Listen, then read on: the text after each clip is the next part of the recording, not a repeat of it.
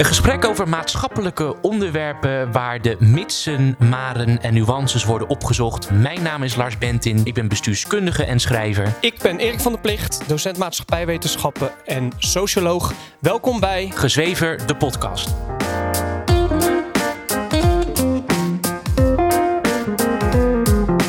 Een werkelijkheidsbesef dat steeds gecompliceerder wordt, schept zijn eigen compensatiedrang en vereenvoudigingen.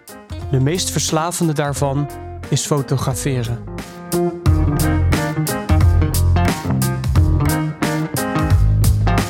Hallo, Lars. Daar zijn we weer. Ja, Vorige week zijn we begonnen aan het drieluik ja. over smartphoneverslaving. Vorige week was dus de eerste aflevering. Vandaag is de tweede aflevering. Vorige week hebben we het gehad over het probleem. Wat volgens ons de probleemomschrijving is van de smartphoneverslaving. Vandaag gaan we het hebben over de oorzaken van smartphoneverslaving. We gaan dat doen vanuit de drie benaderingswijzen. De eerste is e- de economische benaderingswijze. Dan gaan we economisch proberen te verklaren hoe een smartphoneverslaving in de hand wordt gewerkt. Vervolgens gaan we een sociologische benaderingswijze hanteren om te kijken hoe de maatschappij en hoe mensen samenleven en de rol die de smartphone als technologie daarin vervult. En uiteindelijk gaan we naar waar het uiteindelijk allemaal om gaat. Dat is de psychologische benaderingswijze. Ja. Hoe kun je nou psychologisch verklaren dat mensen überhaupt verslaafd worden aan iets of aan een handeling of aan een artefact?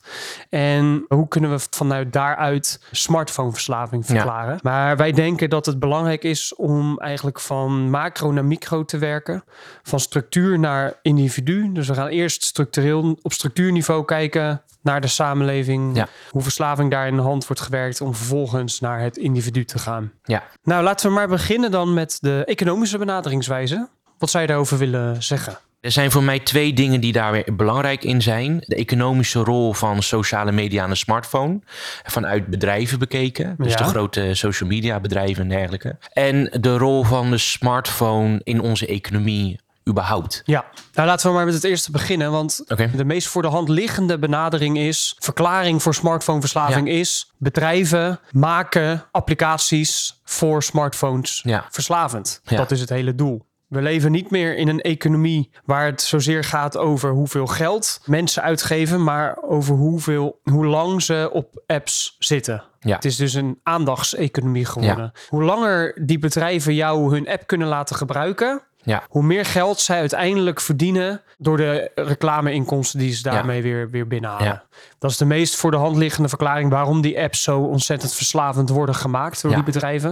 En dan gaat zelfs zover. Er werken bij die bedrijven daadwerkelijk mensen die hebben gestudeerd om applicaties zo verslavend mogelijk te maken. Dat zijn ook vaak mensen die komen uit de gokindustrie. Ja. Dat is natuurlijk een hele voor de hand liggende verklaring waarom zijn mensen verslaafd aan smartphones. Dat komt omdat die bedrijven de prikkel hebben om natuurlijk mensen zo lang mogelijk die, hun apps te laten gebruiken. Jij had het net ook over de rol die de smartphone speelt in de economie. Wat bedoel je daarmee? Om die vraag te beantwoorden gaan we eigenlijk al een, een beetje het sociologische aspect in. Ja. Dus die overgang ga ik dus nu ook maken. Eh, de smartphone speelt een hele grote rol in on- onze economie, steeds Ja. groter. Je zou bijna kunnen zeggen, zonder smartphone kan onze moderne economie ook gewoon niet meer bestaan. En dat uitzicht op hele soms best wel verdrietige manieren. Bijvoorbeeld oudere mensen die dus niet meer hun eigen bankzaken kunnen regelen. Omdat je daar een app voor nodig hebt of een smartphone voor nodig hebt. Banken die geen menselijke klantenservice meer echt hebben. Je kan niet meer met een persoon praten. Alles moet online. Eh, het, het, het institutionaliseren van de smartphone. Ja, de is- smartphone is vo- inderdaad volledig geïnstitutionaliseerd in onze samenleving. En daarom komen we inderdaad ook al meteen bij de sociologische benadering Ja. uit. Maar en goed, sociologie en economie, dat is natuurlijk ook heel erg Ja. met elkaar verbonden.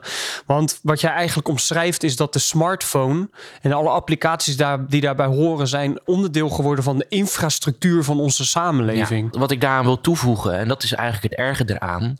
Kijk, als de smartphone geïnstitutionaliseerd wordt als alternatief voor wat er al was, Ja, dan is dat prima. ja. Maar het, ver- het is een vervanging aan ja het, het, is, worden. het is in in heel veel gevallen volledig vervangen. Ja, dat, dat zeggen mensen ook vaak. Dat het heel moeilijk is om te zeggen... ja, maar dan neem ik wel een oudere telefoon... waar ik alleen maar mee kan sm- eh, Ja. sms'en. Want je kan gewoon niet meer functioneren in deze moderne samenleving. Nee, Door bijvoorbeeld de DigiD, door bijvoorbeeld eh, mobiel bankieren.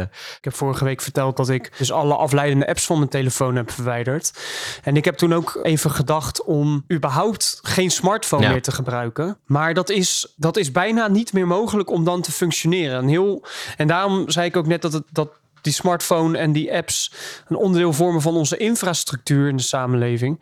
Als ik op mijn werk wil inloggen op, de, op bepaalde systemen die ik nodig heb, moet ik mijn smartphone hebben die bepaalde codes genereert voor de tweestapsverificatie. Ja. De mobiele telefoon en de apps daarvan horen dus, zijn dus inderdaad volledig geïnstitutionaliseerd in onze samenleving. Dat is dus ook een van de verklaringen waarom het dus bijna onmogelijk is als je een beetje een praktisch handig leven wil leiden om zonder smartphone eh, door het leven te gaan. Ja. Het is vervanging van fysiek en menselijk contact. Ja. En dat het vervanging is, eh, dus dat je geen alternatief hebt. Ja, je dat- moet wel. Je moet. En, Ja. en dat vind ik het echt het meest problematische aspect vanuit de sociologische invalshoek. En daarnaast is natuurlijk een sociologische verklaring ook dat de sociale netwerken waar mensen zich in bevinden, eigenlijk voornamelijk plaatsvinden online. Probeer zonder WhatsApp maar eens bij te blijven met alle gebeurtenissen en activiteiten en dergelijke die plaatsvinden in de maatschappij. Dat is wel een van de lastigste aspecten van WhatsApp verwijderen. Dat je niet meer wordt meegenomen in die hele informatiestromen. Ja, ja je, je hebt het gevoel dat je geen onderdeel meer vormt van de samenleving. Ja. Dat je geïsoleerd bent. Ja.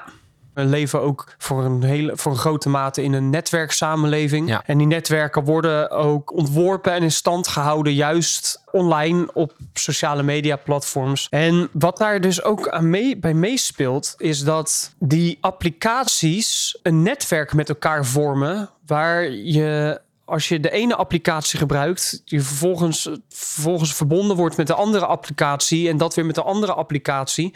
En voor je het weet, zit je, heb je dus een heel netwerk van allemaal applicaties die met elkaar samenwerken. Die dan ook weer vervolgens onderling afhankelijk zijn van elkaar, waardoor één app gebruiken. Eigenlijk betekent dat je binnen de kortste keren 5, 6, Ja. 7, 8 apps aan het gebruiken Ja. bent. Dat heb ik ook vorige week proberen te omschrijven. Toen ik zei: ik ga WhatsApp verwijderen. Dat ik erachter kwam, ja, maar WhatsApp verwijderen aan zich is niet voldoende. Want het is niet alleen WhatsApp. Het is een heel, Ja. heel netwerk van apps die daaromheen zit. Die je gebruikt om jezelf af te leiden. En Ja. Misschien kun jij iets meer delen ook hoe jij dat ervaart. Nou, de naarste ervaring eigenlijk is dat je dus altijd aanstaat. Of kan staan. Ja. Dat moet ik goed zeggen. Je kan altijd aanstaan. Ja, Waardoor je dus bewust moet zijn van welke grenzen er zitten in je werk. Of wanneer je wel of niet benaderbaar bent via sociale media. We hebben natuurlijk de campagne de afgelopen weken slash maanden gehad. En ja, dat betekent dat je gewoon heel veel contact hebt met kandidaatraadsleden. Die Ja. allemaal iets van je, van je, logisch hoor, natuurlijk. ja nee, Eh, tuurlijk. Het is je werk. ja, die allemaal iets van je willen. Maar ja, er zijn ook gewoon mensen die, die appen je om kwart voor zeven. Ja. Eh, of om half elf 's avonds. Ja, en, En- dan wordt er toch ook weer van jou verwacht dat je daarop reageert. Het sluipt er dus in dat je wel het gevoel hebt dat je dan ook moet reageren. Dus je moet sterk zijn of sterk in je schoenen staan om die grenzen duidelijk aan te geven. En er zijn genoeg mensen die die grenzen niet aangeven. Daar niet duidelijk over zijn of niet, daar niet duidelijk over durven te zijn. Omdat ze zoiets hebben van, nou ja, als ik nu laat zien op dit moment dat ik reageer en dat ik er iets mee doe, dan scoor ik punten. Ja, En ja, zo creëer je dus een, toch een bepaalde verwachtingspatroon. Wat steeds eh, normaler Ja. wordt. Ja, precies. Want het- inderdaad, want wat je dus ziet ontstaan door de jaren heen, is dat eigenlijk steeds meer een onderdeel ook van onze cultuur geworden. En dus ook van onze werkcultuur. Dat het steeds meer wordt verwacht en steeds normaler is geworden om inderdaad altijd maar bereikbaar te zijn. Ja, En ook snel te reageren op Ja. e-mails. Hoe vaak ik niet e-mails nog krijg van mijn collega's s'avonds om 8 uur Ja. of om 9 uur. Nu heb ik tegenwoordig besloten om mijn werklaptop op mijn werk te laten. Dus dan open ik die mail in ieder geval niet tot ik de volgende dag weer op mijn werk ben. Maar jij hebt een baan waarbij er ook veel nu moet gebeuren. Ja. Er moeten nu beslissingen worden genomen. Er moeten Ja. nu posters worden gemaakt. Er moeten nu interviews worden geregeld en Ja. dergelijke.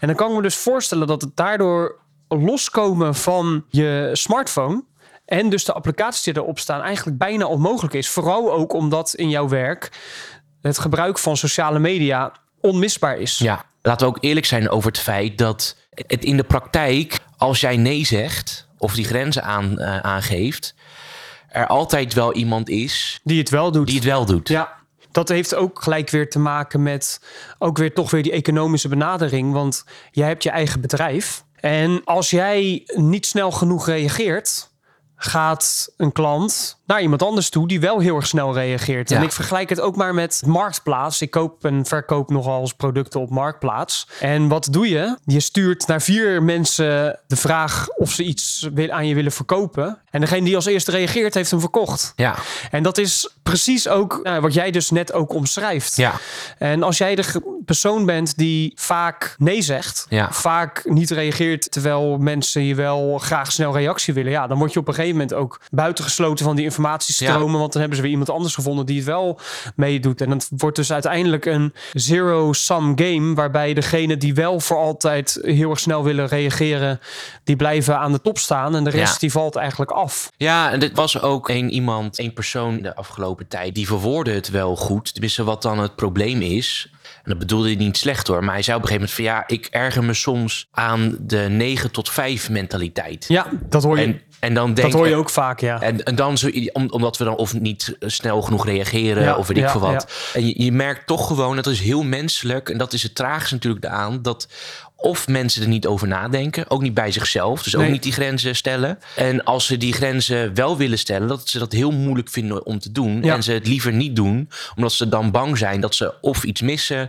Of dat zij een missen kan alles zijn. Nieuws, kansen, Zeker, ja. informatie, maakt niet uit. Dat gevoel zorgt er dus voor dat je überhaupt op sociale media zit. Ja, een van de, de meest fundamentele debatten in filosofie over technologie is de vraag: vormen wij technologie of vormt technologie ons? Ja, En ik begin steeds meer het idee te krijgen dat technologie heel erg de structuren in de samenleving vormt in plaats van dat wij de technologie vormen. ja. Hoe denk jij daarover? Ik denk dat wij als samenleving of als mens niet goed genoeg nadenken over of wij tegen techniek controleren of Of andersom? techniek, ja, of techniek Ja, ons. want er wordt nogal eens nog de visie aangehangen. Dat heet in de techniekfilosofie het instrumentalisme. Dat stelt, technologie is een neutraal ding en wij mensen bepalen wat we daarmee doen. Volgens mij eh, was dit ook een van onze eerste diep filosofische discussies die wij, als vrienden, ja, vrienden dat, ja, hadden. dat klopt. Ja, dat kan ik me nog herinneren Ja, inderdaad. ja, toen was ik inderdaad wel een, fervent voorstander van. eh, Ja, jij, jij dacht, jij was echt de voorstander van, die, van dat instrumentalisme. Ja. Als je het instrumentalisme aanhangt, dan denk je... de smartphone is een neutraal object... en wij, jij wij kiezen ervoor wat we ervan maken. Ja, inderdaad. Wij kiezen er als mensen voor wat we ervan maken. Ja. Je kan hem de hele tijd op je tafel laten liggen... en er nooit wat mee doen. Of jij als individu kan bepalen om, daar, om die elke keer erbij te pakken... en uiteindelijk verslaafd aan te raken. Nou, dat is een benadering in de techniekfilosofie... Maar wat de laatste jaren steeds weer meer populariteit weer wint, is het technologisch determinisme. Dat stelt dat technologie eigenlijk ons determ- determineert, ons stuurt. Dus technologieën ontwikkelen en worden ontwikkeld. En die krijgen op een gegeven moment een plaats in onze maatschappij. En die vormen dus ook uiteindelijk onze maatschappij en hoe wij met elkaar omgaan. En nou, zoals ik al zei, die, dat, dat wint de laatste jaren weer steeds meer aan invloed, omdat steeds meer filosofen er ook achter komen dat de technologie die nu ontwikkeld wordt, zoals met smartphone en de applicaties daarbij, zo erg dwingende en sturende rol vervullen in onze samenleving. Dat je eigenlijk niet meer kan spreken van een instrumentele benadering die stelt dat technologie neutraal is. De kanttekening die ik wil maken is dat wij dus nu stellen dat in de dagelijkse praktijk het dus technisch gedetermineerd is. Dus wij worden gestuurd Door de technologie. door de techniek. Maar dat betekent natuurlijk niet dat het zo hoeft te zijn. Nee, het is zeker niet, niet. dat wat wij gevangen zitten Nee. in die eh, nee, nee, nee, zeker niet. En, nee, precies. En je hebt wel, je hebt wel techniekfilosofen die echt harde, harde deterministen zijn. Die geloven dat wij daarin geen eigen vrije Ja. wil hebben. Die zijn, gaan zelfs zo ver door te denken, door technologie als iets losstaand van de mens te zien. Dat als een soort dat een eigen wil heeft en zich ontwikkelt buiten de wil van de mens om. Nou, zover willen wij eh, in deze aflevering niet gaan. Maar wij denken wel dat technologie een zeer determinerende rol vervult in Ja. onze samenleving. En daarmee dus ook een dwingend systeem creëert waarin mensen functioneren. Ja. En dat is ook net wat je net dan omschrijft, dat technologie het mogelijk maakt om altijd beschikbaar te zijn, altijd te kunnen reageren. Ja. En daarbij ook dat technologie zodanig wordt ontwikkeld om vers- simpelweg verslavend te zijn. Ja. We worden ook verslaafd gemaakt aan technologie. Ja, ik denk dat het wel goed is om, ehm, voordat we naar het psychologisch aspect gaan, of de, de psychologische Ja. invalshoek gaan, om een korte samenvatting Ja. te geven wat we nu gezegd hebben. Ja. Het economische aspect. Er zijn dus bedrijven die smartphones maken en sociale media maken, die verslaving opwekken. Ja, die verslaving en handwerken met, Ja. met als doel onze aandacht er zoveel mogelijk bij te houden. Precies. Eh, en daarbij komt dus het sociologisch aspect dat we elkaar bijna in de maatschappij dwingen om een smartphone te hebben en Ja. een connectie te hebben met sociale media. Ja, precies. Omdat je dan anders niet meedoet. Nee, en ook simpelweg in sommige gevallen niet mee kan doen. Ja, precies. Ja. De smartphone is volledig geïnstitutionaliseerd en maakt een Ja. zeer grote Ja. onderdeel uit van de, van de infrastructuur in onze samenleving. Wat er ook weer toe leidt dat technologie eigenlijk steeds meer een determinerende rol Ja. speelt in onze samenleving. Ja. Ja, en die samenvatting die je net geeft, die schetst dus de context, het systeem waar wij als individuen ons in bevinden in onze hedendaagse samenleving, die ons ertoe dwingt en ons determineert naar het gebruik van een smartphone. Maar dat we onze smartphone moeten gebruiken voor bepaalde doeleinden, zoals het bankieren of wat dan ook, is niet afdoende reden dat we er ook vervolgens verslaafd aan raken. Ja, er is iets, er is een psychologische verklaring voor waarom mensen verslavingsgevoelig zijn en waarom we dus ook verslaafd raken aan de smartphone. Nou, de aflevering ben ik begonnen met een citaat over fotograferen. Dat fotograferen een van de meest verslavende handelingen is.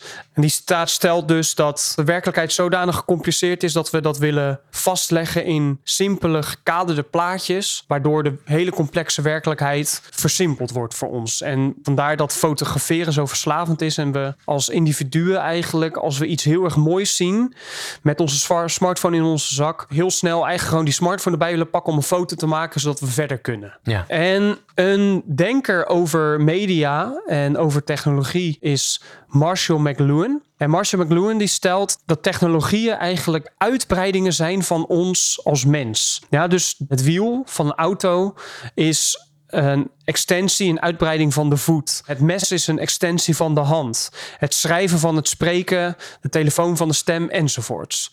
En wij willen dus als mensen technologie gebruiken om onze zelf als individu en onze mogelijkheden van ons lichaam eigenlijk te overstijgen. Maar tegelijkertijd, en nu ga ik citeren uit het boekje De Kleine Filosofie van de Digitale Onthouding, waar ik vorige week ook uit heb geciteerd.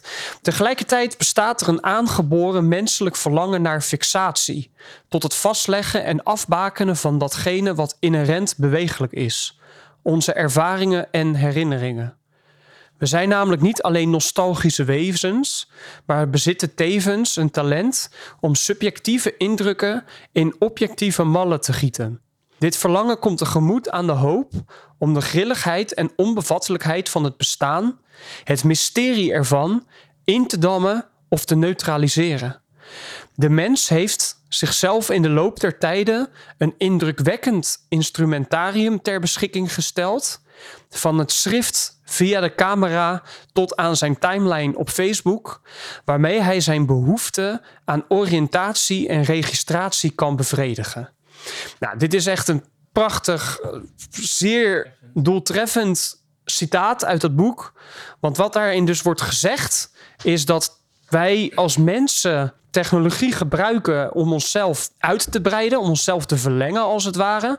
En dat we tegelijkertijd geneigd zijn tot het versimpelen van de werkelijkheid. Ja. We zijn als mens van nature geneigd om te fixeren en om het vastleggen en afbakenen van onze herinneringen en ervaringen. En wat is bij uitstek een perfect technologisch middel waarmee, dat, waarmee we dat kunnen doen? De smartphone. De smartphone, inderdaad. Want de smartphone bevat allerhande middelen om de zeer complexe werkelijkheid maar te fixeren en af te kalen. Ja. We hebben, nou, laten we, we hebben een camera waarmee we dat kunnen doen. We kunnen menselijke interacties versimpelen door een profiel van onszelf te maken en te uploaden op sociale media eh, platforms zoals Instagram. En we kunnen ook andere mensen zien. We hoeven andere mensen niet meer in- in hun volledigheid te begrijpen. Ja. Maar we hoeven alleen maar te kijken naar hun sociale media profiel. En dat Ja. is dan de afkadering van, Ja. van hun, hun oneindige complexiteit. Dus vandaar dat ik deze citaat zo doeltreffend vind. Omdat het laat zien dat wij mensen dus de neiging hebben om, ja, technologie, om met technologie de werkelijkheid te versimpelen. Ik moet denken aan een foto wat ik laatst eh, zag op sociale media van een persoon waarvan de vader jarig was. Ja, Op sociale media moest die persoon opschrijven met een foto erbij natuurlijk. 57 jaar, hartstikke gefeliciteerd papa, hou van je, dit en dat, dus en zo. Voor de hele wereld om te zien. ja, Dan doet gewoon de vraag op, voor wie doe je dit? ja. Ik bedoel, je kan je vader bellen, je kan je vader appen. Je kan alles doen om aan je vader te laten blijken dat je van hem houdt en het belangrijk vindt dat, dat hij jarig is. Maar blijkbaar moet het vastgelegd worden Ja. voor de rest van de wereld. En dan rijst de vraag van waarom, waarom doet iemand dit dan? Wat, wat, is, wat is de beweegreden waarom iemand zoiets brengt voor de anonieme kijker? Nou, als we dan die citaten die ik net voorlees erbij pakken, kan ik dat wel verklaren. Omdat wat er eigenlijk gebeurt met zo'n post is op Instagram, dan wordt er een plaatje gemaakt met een tekst erop. Ja. En misschien een foto van zijn vader of van haar vader erbij. Wat daarmee gebeurt is dat de zeer complexe werkelijkheid van het verhouden van je vader en het verjaardag vieren en alles wat daarbij komt kijken, wordt versimpeld in één post. Ja, En dan is het ook voor de persoon die die post heeft gemaakt duidelijk: dit vind ik. ja, En dit is wat ik voel. En dan, ja, nogmaals versimpeld in een plaatje. Ja. Dus dat is heel menselijk en heel logisch om dat te doen. Een ander belangrijk aspect is van waarom sociale media zo verslavend zijn, is dat het je de simpele illusie geeft dat je het beeld over jezelf kan maken Zoals jij zoals het wil. het wilt voor de rest van de wereld. De filosoof Plessner die zegt dat de mens de enige, enige dier is of de enige soort is op aarde die vanuit een afstand naar zichzelf kan Ja. kijken. Ja, En die afstand die ieder persoon voelt, alsof je bijna naar een film van jezelf aan het kijken bent, dat is beangstigend vanwege bijvoorbeeld die complexiteit. En die wil je versimpelen en ook veranderen met de middelen die je hebt. Ja. Een heel scala aan mogelijkheden via sociale media om een totaal kunstwerk van jezelf en over jezelf te creëren voor de Ja. rest van de wereld, En zodat ook je een- gezien wordt. En inderdaad, en daar, inderdaad, zodat je gezien wordt. En wat daar ook meteen bij aansluit, want dan komen we bij de meest fundamentele vraag natuurlijk waar deze aflevering over zou moeten gaan. We hebben het altijd over verslaving.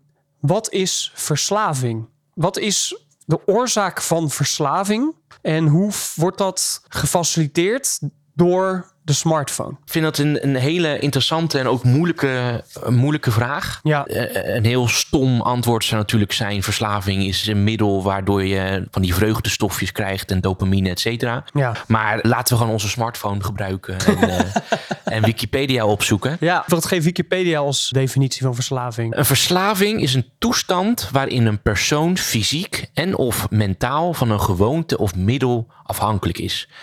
Wanneer de persoon deze gewoonte of substantie niet heeft, zal het gedrag van de persoon voornamelijk gericht zijn op het verkrijgen en innemen van het middel of het handelen naar de gewoonte ten koste van andere activiteiten.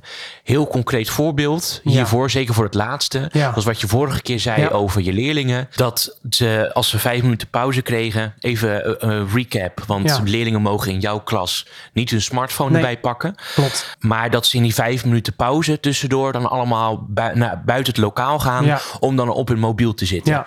Dus dat is wel echt een heel goed voorbeeld van handelen om toch het middel te krijgen of het middel te krijgen om dus die verslaving weer te kunnen voeden. Ja, en vooral ook dat men bij een verslaving het middel gebruikt, ook als het niet goed voor hen zelf is. Bijvoorbeeld, je hebt echt heel hard rust nodig. Je, moet goed, je, moet een, je hebt een goede nachtrust nodig. Vervolgens ga je in bed liggen en een uur lang op je telefoon zitten, terwijl Ja. je eigenlijk goed moet slapen. Ja. ja. Dat is de Wikipedia-definitie. Heel droog, maar Ook heel mechanisch. heel alsof de- mechanisch. alsof de mens een soort machine is. Ja. Dat als die machine verslaafd is, het een bepaald middel nodig Ja. heeft om weer te Ja. functioneren. Maar, ja, ja.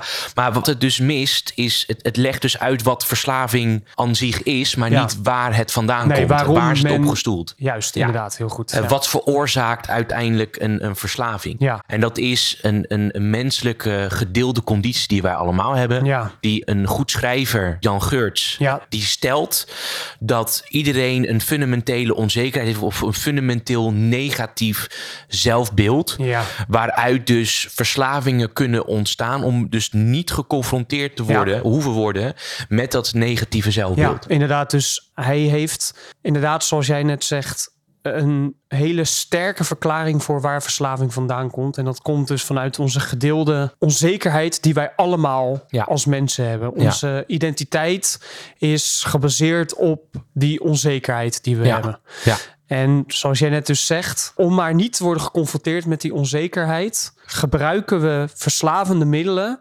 om te worden afgeleid van die onzekerheid. En überhaupt hebben wij ook de neiging als mens om ons continu te willen afleiden. Afleiden. Vanwege Ja. dat negatieve zelfbeeld waar we niet mee geconfronteerd willen worden. Correct. Iedereen kent natuurlijk het gevoel dat als je een paar minuten niks om handen hebt, Ja. dat de meest verschrikkelijke gedachten of vragen opkomen Ja, waar je over nadenkt. Ja, Waardoor het heel ongemakkelijk eh, wordt voor jezelf. ja, nou ja, wat, waar ik meteen aan moet denken is... je hebt een YouTuber, Vsauce, die heeft een experiment gedaan. Hij liet mensen in een kamer zitten...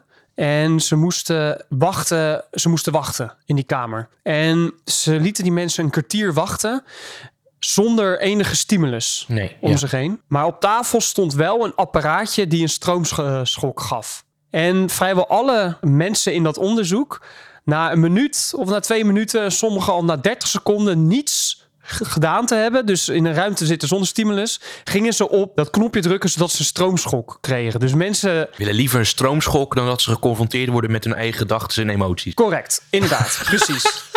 Ja, nou ja, en dat verklaart dus waarom de mens zich überhaupt altijd wil afleiden. En het is die drang naar altijd afgeleid te zijn, om altijd om niet in aanraking te komen met onze fundamentele onzekerheid, is ook heel erg logisch. Ja, Omdat als we dat niet zouden hebben, zouden we niet productief zijn. nee. Wij zijn als mensen productief. We willen dingen doen. We willen bewegen. We willen produceren. We willen creëren.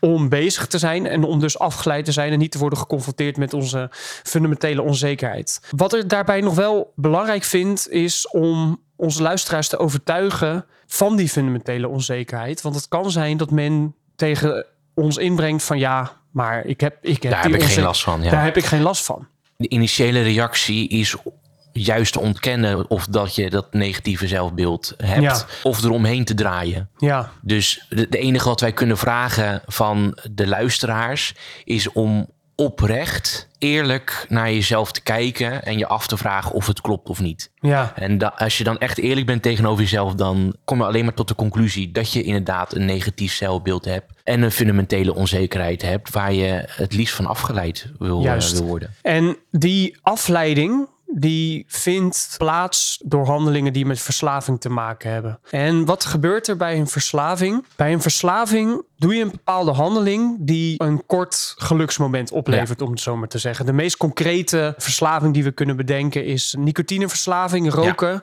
of, nou ja, of alcoholverslaving, maakt eigenlijk niet uit.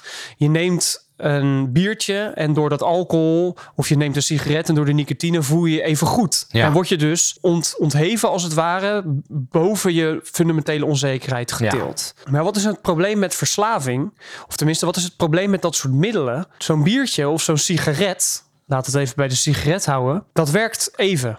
Nicotine werkt misschien 10 minuten, kwartier dat je je goed voelt. Ja, En daarna gaat het weer naar beneden. En word je weer steeds meer langzaam geconfronteerd met je negatieve zelfbeeld. Dus neem je weer een sigaret.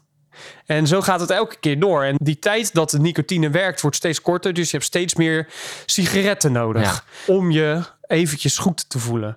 Wat daarbij ook heel erg belangrijk is, is het schuldgevoel wat komt kijken bij verslaving, wat vervolgens ook die verslaving weer in stand houdt. Ja. Misschien kun je dat wat meer uitleggen? Dit is natuurlijk ook een gedeelde ervaring die waarschijnlijk iedereen kent. Ja. Dat als je iets doet wat, waarvan je met jezelf hebt afgesproken om het niet te doen. Ja. Als het gaat om verslavingen of dat ene biertje of dat ene, die ene sigaret. Ja, de Netflix binge-watchen of Netflix binge te veel eten of Ja. kleding bestellen. Want uiteindelijk alle verslavingen zijn gebaseerd Ja. op hetzelfde mechanisme. Ja. ja, dan voel je je dus slecht. Ja. En wat ga je doen? Dan ga je een, overload nemen van datgene wat je dus eigenlijk niet had moeten doen. Ja. Want je maskeert dan weer het schuldgevoel Ja. door weer dezelfde verslavings, Ja, zeker. eh, verslavende handelingen te verrichten Ja. of middelen te nemen. Ja, ja, dat kan ik me nog herinneren toen ik nicotineverslaafd was. Toen ik rookte. Ik wilde op een gegeven moment echt stoppen met roken. Maar dan nam ik toch weer een sigaret en dan ging ik me schuldig voelen. Eh, en door dat schuldig voelen kwam ik dus weer in aanraking met mijn eigen fundamentele onzekerheid. Want dit, is ook, dit zijn ook de momenten dat die fundamentele onzekerheid naar voren komt. Ja. Hè? Op momenten dat je je schuldig voelt. Ja. Want dan ga je tegen jezelf zeggen van ja, zie je wel, Ja, je bent een niet. sukkel, Ja. ik kan het niet. Het is logisch dat ik faal en dergelijke. Dat is dat fundamentele zelfbeeld wat zich laat zien. Dus wat ga je op zo'n moment doen? Weer die sigaret nemen om je weer beter te voelen. En zo kom je in een oneindige cirkel. Nou, we hebben het nu over sigaretten. Maar dit werkt net zo goed en misschien zelfs nog wel sterker met een middel als een smartphone. Ja. Een smartphone-verslaving is gebaseerd op precies hetzelfde funda- eh, fundamentele mechanisme van iedere verslaving. Namelijk afleiden, jezelf afleiden van die fundamentele onzekerheid en Ja. die vervelende gedachten en gevoelens die Ja. je hebt als je even vijf minuten niets doet. Ja, en sterker nog, sociale media haken dus in op eh, die fundamentele onzekerheid en dat negatieve zelfbeeld. Juist, ja. En daarnaast geeft het dus ook de illusie iets positiefs of goeds te creëren over jezelf. Ja. Als, alsof, alsof het, het, het, medicijn is tegen dat negatieve zelfbeeld. Ja, dus is- het is niet alleen een verslavend goedje of middel om afgeleid te Nee. raken. Het pretendeert bijna het medicijn te zijn tegen datgene waar je probeert jezelf van af te leiden. Ja, en dat is echt een ongelofelijke paradox. Want juist het gebruik van, daar zijn we nog niet eens, daar hebben we het nog niet eens over gehad. Maar juist het gebruik van sociale media maakt ons natuurlijk ontzettend onzeker. Ja. Omdat we zien allemaal perfecte plaatjes van andere mensen. En we denken dat eh, alle mensen het allemaal perfect hebben en zich helemaal fantastisch voelen. Maar als jij s'avonds alleen op de bank zit, dan voel je je verdrietig en, en, en naar. Dus eh, hoe kan het nou dat ik me verdrietig en naar voel, terwijl Ja. anderen zich zo top voelen?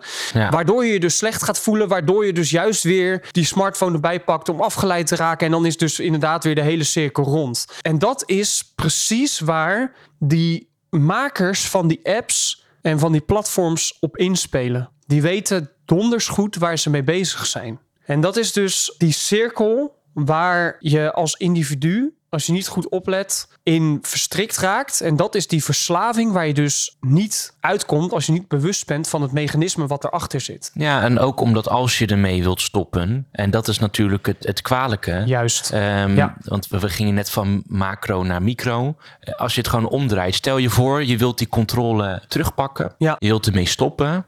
Kan niet. De hele samenleving is erop ingericht. Juist, met een centrale rol voor de smartphone. Ja. De invloed van die bedrijven die die smartphones maken en die apps maken is gigantisch. Ja. Het lukt gewoon niet. Nee, inderdaad. Wat jij net zegt, het is dus echt een onderdeel geworden van onze infrastructuur. Dus het is heel erg moeilijk om te stoppen met de smartphone.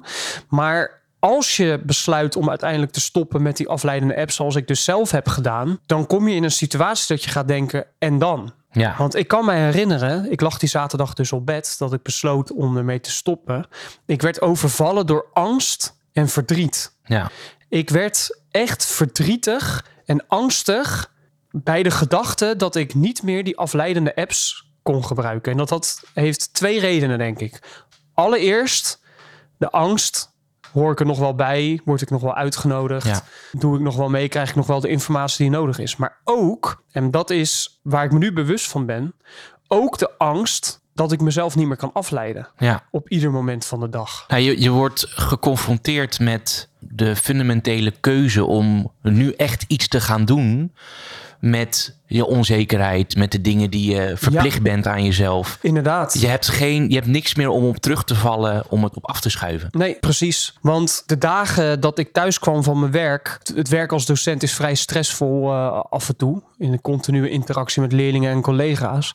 De dagen dat ik thuis kwam en voor Pampers op de bank ging liggen, de hele tijd maar op mijn telefoon ging zitten, vijf, zes uur op een avond, is voorbij. Ja. Dat kan nu niet meer. En dan? Wat ga je dan doen met je tijd? Ja, nou, ja, met mijn tijd, maar ook vooral met mezelf. Want daar komt het Ja, nee, op neer. ver af. Ja, klopt. Ja. Dat is, ik ben er 100% van overtuigd, dat is de angst die mensen hebben als ze alleen al denken aan het idee om bijvoorbeeld WhatsApp te verwijderen Ja. voor een week. Ik denk dat dat gevoel dat dat gekoppeld kan worden aan als je niet afgeleid wordt, dan komt het er pas echt op aan of je goed genoeg bent of niet. Zo, zo, zo voelt dat. Ook zeker, ja. Dan denk ik van, ik moet nu de dingen doen die ik altijd al of heb Ja. gewild of wat ik graag had gepland. Ja. Want we hebben gezegd, het probleem is, mensen leven niet het leven dat ze zouden willen leven. Ja, En dat doen mensen vaak zichzelf natuurlijk ook aan, omdat ze denken diep van binnen dat ze niet goed genoeg zijn ja om dat leven te leven wat ze graag willen leven. zeker, absoluut. En dan komt de confrontatie met het risico dat je inderdaad misschien niet goed genoeg bent tussen twee haakjes eh, voor de luisteraars, Ja. want dat zien ze natuurlijk niet, om dat leven te bereiken of te kunnen, kunnen leven. Terwijl het echte probleem natuurlijk is dat je iets moet doen met die onzekerheid. Inderdaad. En daar gaan we het volgende week ook over hebben Ja. als we het gaan over gaan hebben over de oplossing. Ik denk dat vrijwel, of eigenlijk ik denk dat iedereen erachter komt dat die fundamentele onzekerheid, want dat is ook wat Jan Geurt zegt hè, in zijn boek, dat moet wel duidelijk zijn.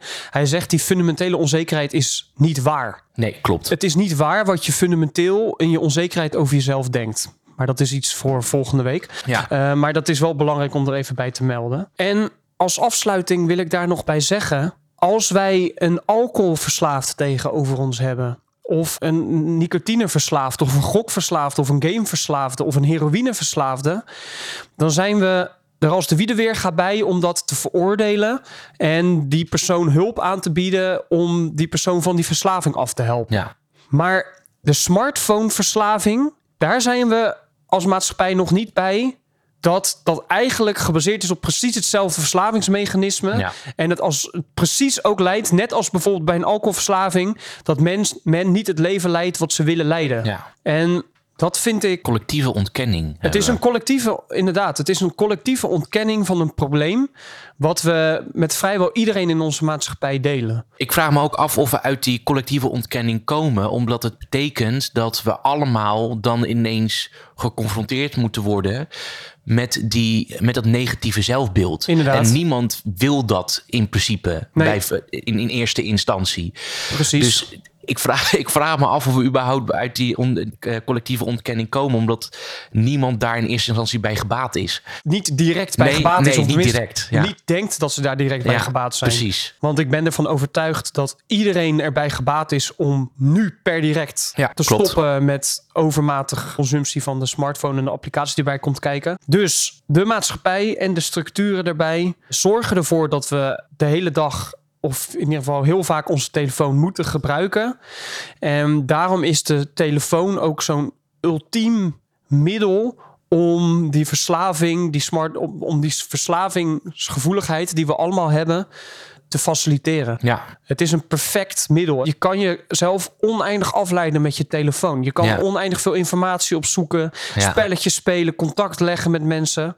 Het is een perfect middel om mensen verslaafd aan te laten worden. Je kan inderdaad tot in de, in, in de eeuwigheid en in de treurnis jezelf afleiden met alles en nog wat. Ja, Zo wordt niemand gedwongen om aan zichzelf te werken Precies. of naar zichzelf te kijken Ja. of zichzelf te ontwikkelen. Wat nogmaals, we zeiden het vorige keer al, jij zei het vorige keer al, eigenlijk de grootste tragedie is voor Ja. in, een, in het moderne leven en voor de moderne Ja. mens. Want waarom zou je niet willen dat mensen het de beste versie van zichzelf worden? ja, Als we er allemaal van overtuigd zijn dat we de beste versie van onszelf moeten worden, dan, dan doen we het heel erg verkeerd op deze manier. ja, zeker. Want de beste versie van jezelf, maar ook van je leven, is niet verslaafd zijn aan je smartphone of verslaafd zijn überhaupt aan iets. Ja, En ik denk dat we het maar hierbij Ja. moeten laten vandaag. Ik denk dat wij eh, sterk hebben weten te omschrijven wat de sociologische, economische en psychologische oorzaken zijn van smartphoneverslaving. Ja. Volgende week gaan we het hebben over de oplossing. Ja. Eh, we gaan kijken wat kun je daar als individu nu aan doen. We gaan het niet hebben volgende week over wat, je, wat de maatschappij eraan zou kunnen doen. Want daar kun jij, daar gaat, dat, dat gaat niet, voor, eh, niet gebeuren natuurlijk.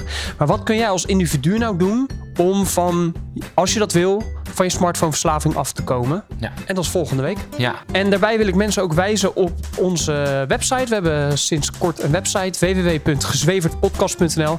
En ik wil mensen zeer vriendelijk verzoeken om zich aan te melden voor onze nieuwsbrief. Zodat je wekelijks op de hoogte gehouden wordt van onze podcast. Maar ook de andere activiteiten die Lars en ik ondernemen in het publieke domein. ja. Nou, Lars, dankjewel weer. Fantastische aflevering. ja, dat weten we nu al, dat is wel waar, ja. Ja, nee, ik, eh, het echt een, eh, ik vond het echt een heel interessant gesprek. En tot volgende week. Heel erg genoten. Doei doeg.